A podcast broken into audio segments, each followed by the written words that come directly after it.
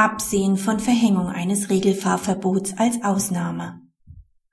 Einem Betroffenen ist es grundsätzlich zumutbar, durch Inanspruchnahme von Urlaub, Benutzung öffentlicher Verkehrsmittel oder Inanspruchnahme einer Fahrgemeinschaft die Zeit des Fahrverbots zu überbrücken. Gegen den Betroffenen war wegen fahrlässiger Überschreitung der zulässigen Höchstgeschwindigkeit eine Geldbuße von 300 Euro festgesetzt worden, von der Verhängung des vorgesehenen Regelfahrverbots hat das Amtsgericht abgesehen. Die hiergegen eingelegte Rechtsbeschwerde der Staatsanwaltschaft hatte Erfolg. Das Oberlandesgericht weist darauf hin, dass von der Verhängung eines Regelfahrverbots nur ausnahmsweise abgesehen werden kann. Die Nichtvorbelastung des Betroffenen und seine im Wesentlichen geständige Einlassung lassen die Indizwirkung des verwirkten Regelbeispiels nicht entfallen.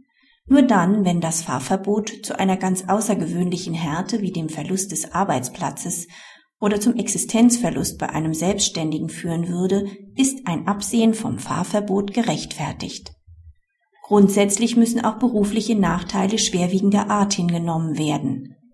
Dem Betroffenen ist laut Oberlandesgericht im Übrigen zuzumuten, durch eine Kombination verschiedener Maßnahmen die Zeit des Fahrverbots zu überbrücken. Hier verweist die Bußgeldkammer auf die Möglichkeit der Inanspruchnahme von Urlaub, der Benutzung öffentlicher Verkehrsmittel, der Inanspruchnahme einer Fahrgemeinschaft sowie die Anstellung eines bezahlten Fahrers.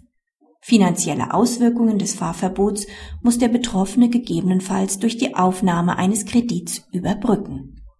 Kritik Die Entscheidung des Oberlandesgerichts liegt zwar auf der Linie der herrschenden Meinung, allerdings geht die Entscheidung zu weit, wenn das Gericht vom Betroffenen grundsätzlich verlangt, zur Abwendung der aus dem Fahrverbot resultierenden Folgen gegebenenfalls auch einen Kredit aufzunehmen.